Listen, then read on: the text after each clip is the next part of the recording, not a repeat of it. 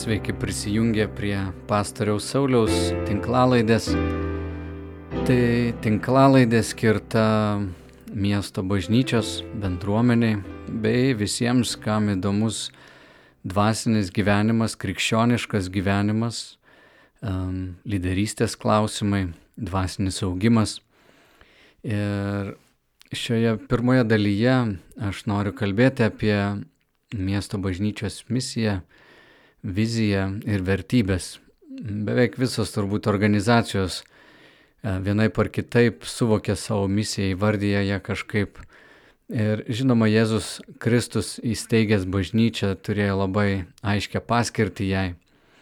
Misija tai yra, dėl ko mes egzistuojame, tai mūsų tas didysis kodėl. Kiekviena organizacija turi atsakyti klausimą, kodėl ji egzistuoja. Vizija tai yra, ko mes norime būti ateityje vizija yra ateities paveikslas, kuris uždega norų veikti.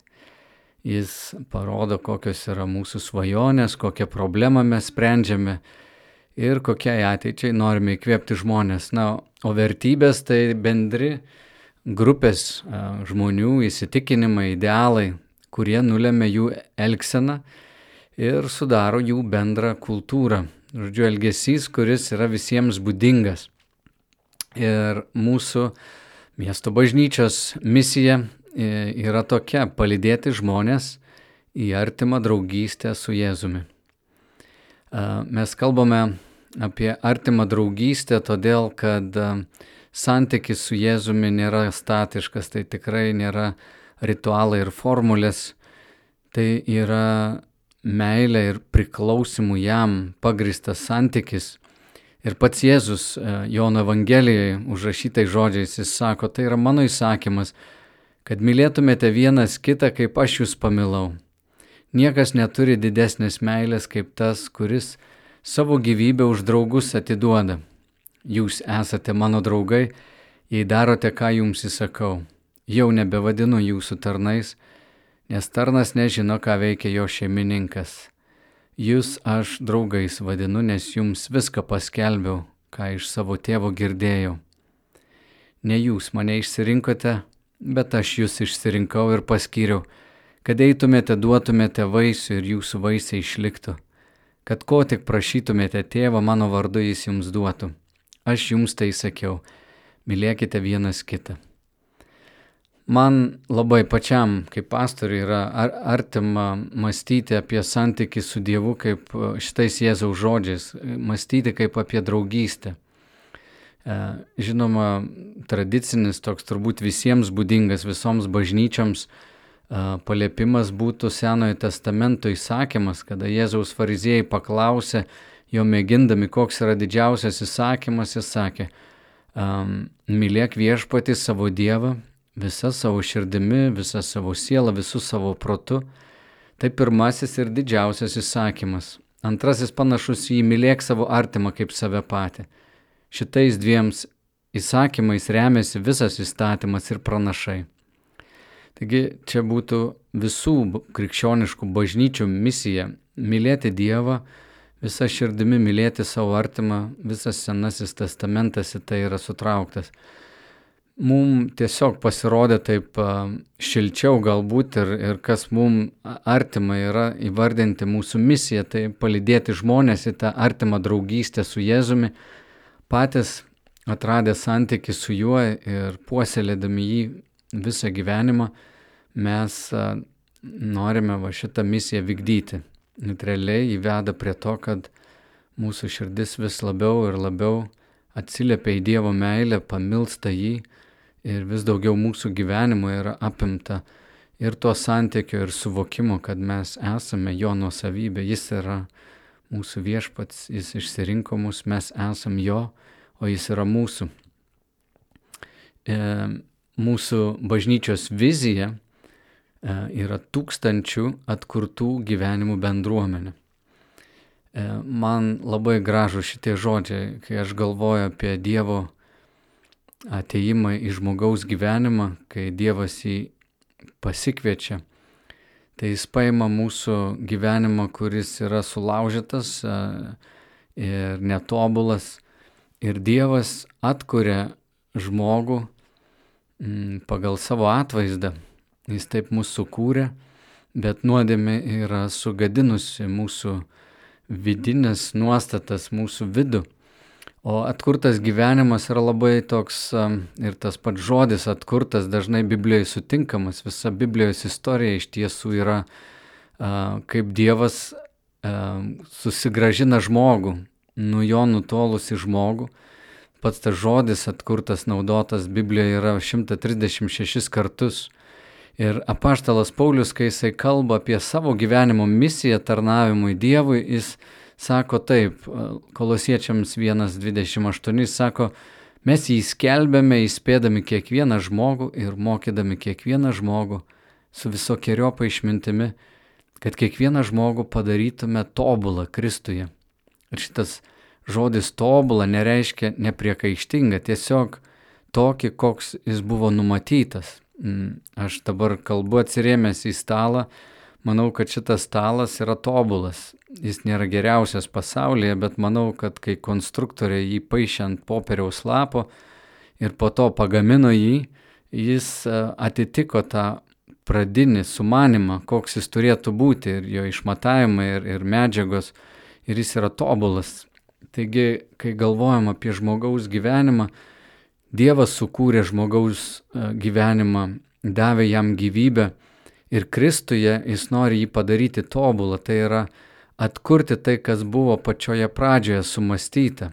Žinoma, mūsų nuodėmė, mūsų auklyba, mūsų pasirinkimai mūsų gyvenimą padarė netobulą, bet Kristuje mes galime būti atstatyti, taigi mūsų ta vizija ir paveikslas, kuris mane įkvėpė, ir yra žmogus, kurio gyvenime viešpatavo tamsa ar nuodėmė, savim nepasitenkinimas, klaidos, gėda, kaltė ir kaip Dievas savo meilę jį atstatom. Ir žmogus, buvęs egoistas, darosi vis labiau dosnus, mąstantis per daug apie save, nuolat besiginantis, tampa ramesnis, kai jis atranda, kas jis yra Kristuje ir jo gyvenimas pavirsta palaiminimu kitiems, vietoj to, kad jis žiūrėtų kaip save prastumti šiame gyvenime, žmogus e, žiūri kaip pasitarnauti Dievui, kaip būti naudingu jam, kaip pamilti jį, pamilti savo artimą Ir tas procesas be galo, be galo gražus. Tai va atkurtas gyvenimas, kaip Paulius sako, jis yra tobulas Kristuje, sako, mes jį skelbėme, įspėdami, mokydami kiekvieną žmogų su visokiojopa išmintimi. O laiške Efeziečiams Paulius rašo, mes esame jo kūrinys, sukurti Kristuje Jėzuje geriems darbams, kuriuos Dievas iš anksto paskyrė mums atlikti. E, ta žodis kūrinys e, graikų kalboje poema reiškia šedevras. Mes esame jo šedevras arba turim žodį poemos ar, ar, ar jo kūrinys, sukurti Kristuje Jėzuje geriems darbams. Taigi krikščioniška samprata apie dvasinę formaciją, dvasinį augimą nėra tiesiog žmogaus asmeninės paieškos suprasti, kas jis yra, realizuoti savo potencialą, krikščionis negali nei atrasti savęs, nei suprasti ir pažinti save atskirtyje nuo Dievo. Todėl atkurtas gyvenimas mums nėra tiesiog pasiremontuoti save ar atrasti kažkokią, kažkokius gražius dalykus savyje ir tiesiog išmokti save priimti, kad nejaustume kalties. Ne, tai yra tikras pasinerimas į Dievo meilę ir ta meilė, kuri išgydo ta meilė, kuri leidžia mums pamatyti, kas mes iš tikrųjų esam, tas mūsų tikrasis aš, kai mums pasidaro matomas ir yra išgydomas Kristaus meilė, va tai yra šedevras, kurį Dievas nori atstatyti. Va apie tokį paveikslą mes kalbame, kad tokių žmonių ir, ir, ir tūkstančius tokių žmonių Dievas nori išgelbėti. Kodėl nesakom dešimties ar vieno, manau, Dievo meilė tokia gili, jisai norėtų iš tiesų, kad kiekvienas žmogus jį pažintų. Taigi, mūsų bažnyčios misija - palydėti kiekvieną žmogų į artimą draugystę su Jėzumi. O pati vizija yra matyti tūkstančius tokių atkurtų gyvenimų. Ir dabar noriu keletą žodžių pasakyti apie mūsų vertybės arba elgesį, kurį norėtume bendruomeniai skatinti jį matyti. Penkios vertybės, štai pirmoji. Pirmoji yra, mes gyvename Dievo artume. Jis skamba taip, mes siekiame išgirsti ir paklusti šventai dvasiai, kad Dievui atitektų visa garbė. Bažnyčia yra tikrai angamtinis organizmas arba organizacija. Bažnyčia yra tai, ką Dievas surinko žmonės, kuriuos jis sušaukė žodis eklezija, reiškia surinkimas. Ir bažnyčia be šventosios dvasios yra tiesiog žmogiškas susibūrimas. Bažnyčia gali labai panašiai atrodyti kaip ir bet koks klubas, į kurį susirenka panašų žmonės ir jiems smagu leisti laiką kartu, galbūt padainuoti, pasiklausyti kalbų. Bet Dievo bažnyčia ir mūsų bažnyčia gyvenimas Dievo artume yra esminė vertybė. Vadinasi, kad mes negalime žiūrėti į maldą ir bendrystę su Dievu kažkaip atseiniai, iš tiesų be bendravimo, nuolatinio buvimo su Dievu sunku įsivaizduoti bažnyčią. Šventoji dvasia yra atsiųsta į bažnyčią, kad mus palidėtų, paguostų, apreikštų mums tai, ką Dievas nori mumise ir per mus nuveikti. Ir dėl to maldingumas arba malda yra vienas pagrindinių užsiemimų, ką mes darome bažnyčiai. Osvaldas Čemberis, Britas, gyvenęs Afrikoje, yra labai gerai pasakęs apie maldą, kad malda nėra pasiruošimas didžiam Dievo darbui, malda yra didysis Dievo darbas.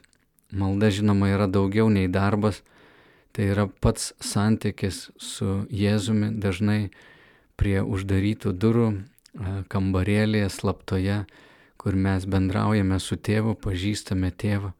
Ir tėvas, kuris mus mato slaptoje, jis atlygina mums viešumoje.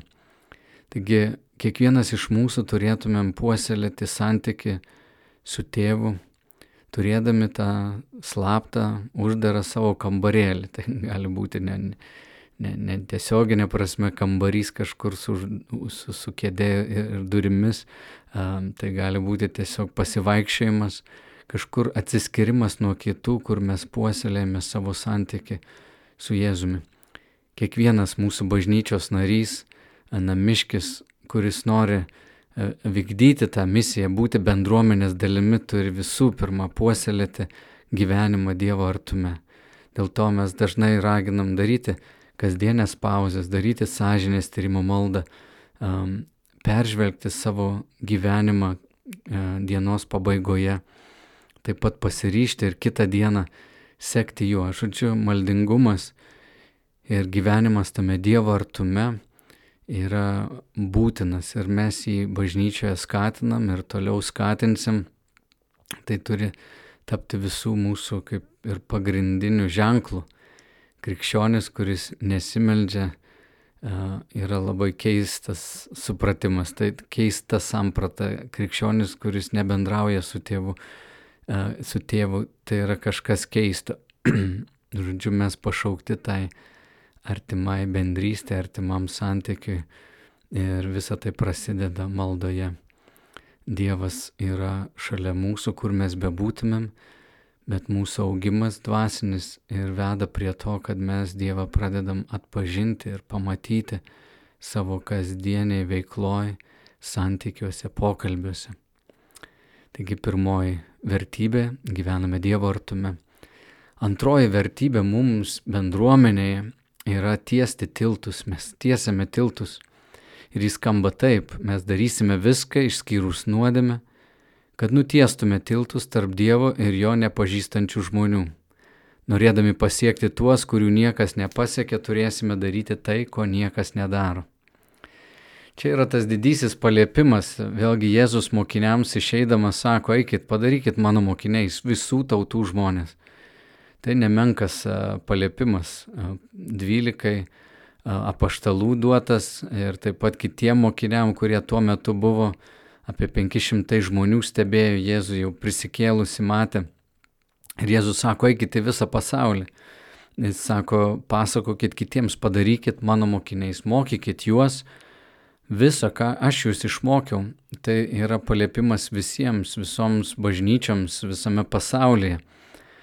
Kai kas sakytų, religija yra privatus reikalas, bet kas taip sako, turbūt nesupranta krikščionybės, kad krikščionybė yra santykis su Jėzumi, kuris mus pamilo ir jo meilė tokia gili, tai yra kaip lobis, kurį mes atrandam ir nepasakoti apie tai, ką mes atradome, yra tiesiog savanaudiška ir nesuprantama. Žinoma, turime tai daryti labai pagarbiai, niekada negalime mes e, kištis į žmonių gyvenimą, ten juos kažkaip versti, prievartauti, įtikinėti, bet pasakoti jiems apie Kristų mes esam ir turim būti pasiruošę daryti viską, išskyrus nuodėmę. Nes kai paragaujam Dievo meilės, suprantam, kad ačiū Dievui, kad kažkas išdryso man papasakoti. Štai apaštalas Paulius, kuris darbavosi turbūt daugiau nei visi kiti apaštalai, sako, aš tiek daug dirbau, tačiau ne aš, o Dievo malonė buvusi su manimi. Jis aprašo, kaip jis supranta Evangelijos skelbimą, gerosios naujienos pasakojimą. Laiškė korintiečiams jis rašo taip, būdamas nuo nieko nepriklausomas, pasidariau visų vergas, kad tik daugiau jų laimėčiau. Žydams buvau kaip žydas, kad laimėčiau žydus, tiems, kurie laikosi įstatymo, tapau besilaikančių įstatymo, kad laimėčiau besilaikančius įstatymo, nors ne, pats nesu jam pavaldus. Tiems, kurie neturi įstatymo, buvau kaip neturintis įstatymo, pats būdamas nebe Dievo įstatymo, bet surištas Kristaus įstatymu, kad laimėčiau tuos, kurie neturi įstatymo Silpniesiems pasidariau silpnas, kad laimėčiau silpnuosius. Visiems tapau viskuo, kad vienai par kitaip kai kuriuos išgelbėčiau. Visą tai darau dėl Evangelijos, kad būčiau jos dalininkas. Taigi čia matom Pauliaus norą susitapatinti su žmonėmis. Susitapatinti nereiškia pataikauti, bandyti jiems įtikti jokių būdų. Susitapatinti reiškia būti šalia žmogaus taip, kad užsitarnautume teisę būti išgirsti, tai reiškia būti empatiškais, įsijautusiais, būti kito ratuose, padėti užmėgsti tikrą ryšį, nuo širdų ryšį. Priešingybė tam būtų toks mes ir jie mentalitetas, etikečių klyjavimas, kurio tiek daug pasaulyje žmonės tiesiog mėgsta įdėti žmogui kažkokią dėžutę, kad galėtų jį lengvai nurašyti. Evangelija arba ta geroji žinia, vedama Dievo meilės, neklyjuoja etikečių, bet prieina prie žmogaus, kad pamatytų žmogų, koks jis yra. Ir Kristus, jis, jis atėjo, kad nutiesų tą tiltą, jis yra tarpininkas tarp Dievo ir žmonių. Ir bažnyčios mūsų pašaukimas yra tiesti tiltus Tai irgi turėtų būti kiekvieno iš mūsų toks gyvenimo moto - nuolat tiesti tiltus, pažiūrėti, ar nėra kažkokių barjerų, gal kažkur žmogus įsiskaudino, kažkas jį įžeidė. Ir padaryti viską, kad, kad išgirstų žmogus tikrą Evangeliją, kad jaustųsi priimtas. Ir tonas, kaip mes tai darome, turi būti pagristas pagarba ir meilė. Būtent pagarba ir meilė sukuria teisingą toną. Kristaus meilė turi valdyti, ne kaltė, ne pareiga. Ir iš tiesų turim atsisakyti noro keisti kitą žmogų. Niekas nėra mums davęs teisės mėtyti akmenų ar teisti. Ir nėra nedavęs teisės mums arba tokio pareigojimo gelbėti žmonės. Yra vienas gelbėtojas, pats viešpats Jėzus Kristus. Bet mes kaip bažnyčia turime paliepimą, pavedimą Dievo papasakoti kitiems. Taigi mūsų mūsų vertybė tiesti tiltus. Ta darome ir darysime. Trečioji mūsų vertybė skamba taip - esame svetingi. Mes mokomės priimti visus taip, kaip Jėzus priemi mus. Pasikliaudami Dievo veikimu žmoguje atsisakome dvasinio spaudimo. Darome dėl vieno žmogaus tai, ką norėtume padaryti dėl viso pasaulio. Čia vėlgi svarbu, kai Kristus mus priėmė, Apaštalas Paulius mums rašo, sako, primkite vienas kitą, kaip Kristus jūs priėmė Dievo šlovę. Ir aš galvoju, kaip jis mus priėmė, kaip mane priėmė. Aš nejaučiau jokio pasmerkimo, jokio teisimo, jokių priekaištų, tiesiog didelė, didelė meilė. Ir tokį Dievo šventumą jutau, kad man pačiam tiesiog negera nuo savęs pasidarė. Svetingumas man reiškia priimti žmogų, kaip Jėzus mane priėmė, be teisimo, mm, e, be priekaištų, be, be, be pasmerkimo kažkokio. Ir, ir čia yra tas pasikliovimas Dievo veikimu žmoguje. Dievas, manau, yra užmesgęs pokalbį su kiekvienu žmogumi net nuo vaikystės, per įvairias aplinkybės, kalbėdamas žmogui, tyliu, ramiu balsu. Ir žmogus tiesiog net pažįsta Dievo tų ženklų gyvenime, eina, eina, kol vieną dieną viešpats jam apsireiškia ir jis pradeda suprasti, kad Dievas visada buvo šalia. Ir aš įsitikinęs, kad jis yra šalia kiekvieno žmogaus um, šitoj planetai. Ir kai mes sakome, kad darome dėl vieno žmogaus tai, ką norėtume padaryti dėl viso pasaulio, yra vėlgi man labai toks reikšmingas um, konceptas arba savoka, nes jinai kyla iš žydiško suvokimo, kad ir posakio tokio, kas išgelbėjo vieną sielą, tas išgelbėjo visą pasaulį. Nes mes šiandien esam taip nujautrinti dėl statistikos, kurios girdim šiandien tiek daug informacijos, Kai kas nors sako, va, ten žuvo 50 tūkstančių žmonių nuo kažkokios e, epidemijos, mums tie skaičiai tokie masiški, kad atrodo, nu, nieko čia negaliu padaryti. Kai išgirsti, kad Lietuva uh, dalyvauja prekyboje žmonėmis ir, ir iš mūsų šalies eksportuojama tiek daug yra pavergiamų žmonių į Junktinę karalystę, sunku net įsivaizduoti apie tai nutylimą. Uh, ir galvoju, nu, aš čia nepadėsiu, ten tokie pinigai ir įsitraukusios įvairios jėgos atrodo, nieko negaliu padaryti. Ir kai mes galvojam taip, kad tiek daug yra tų problemų, lengva labai nurašyti visus. Tai iš tiesų tai, kuo širdis tavo dega ir tai, ką tu nori padaryti dėl viso pasaulio, padaryk dėl vieno žmogaus. Būk svetingas, priimk į savo gyvenimą. Kaip viena moteris yra viena lyderė tokia pasakius, sako, e, įtraukimas, tiksliau, jinai sako, priimti įvairovę tai reiškia pakviesti į šventę, bet įtraukti žmogų į savo gyvenimą, parodyti tikrą svetingumą, reiškia pakviesti įšokti.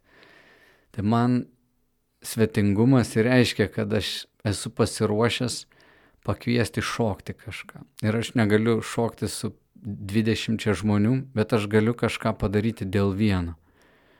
Ir toks yra mum raginimas pateiktas šventajame rašte, kad mes stiprieji turime pakęsti silpnųjų silpnybės ir ne savo pataikauti.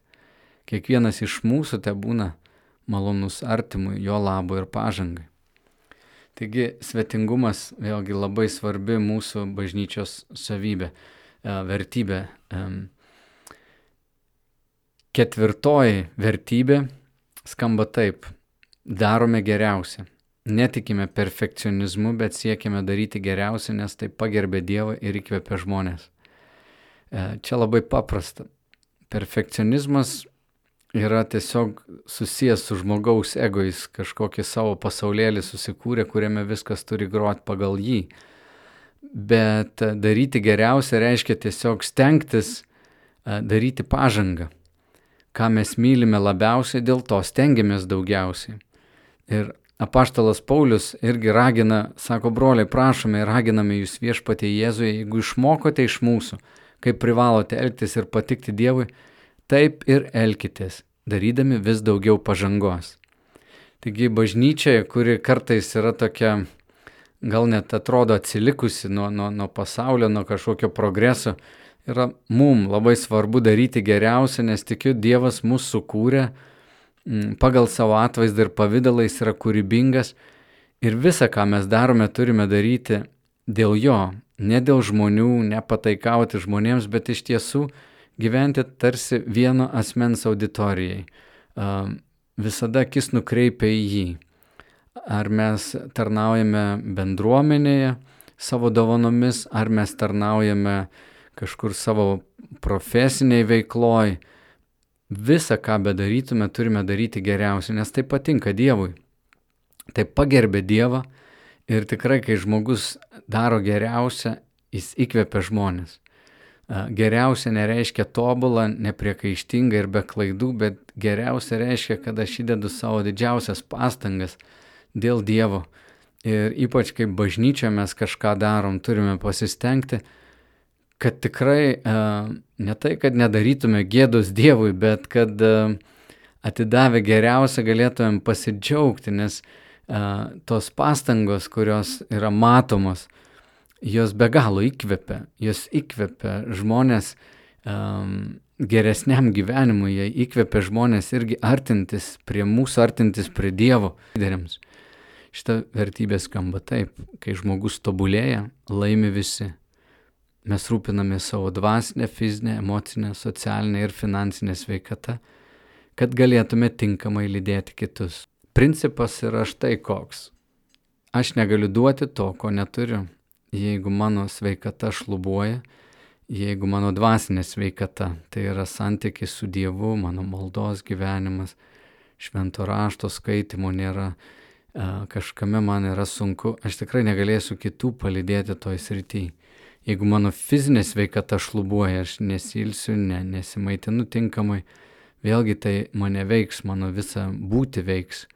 Emocinė sveikata, jeigu aš vaikštau mm, netleidime, įsižeidime ar kartėlėje, žinoma, negalėsiu suteikti sveikatos kitiem. Apskritai, lyga yra tokia būsena, kada žmogui reikia pagalbos iš, iš išorės.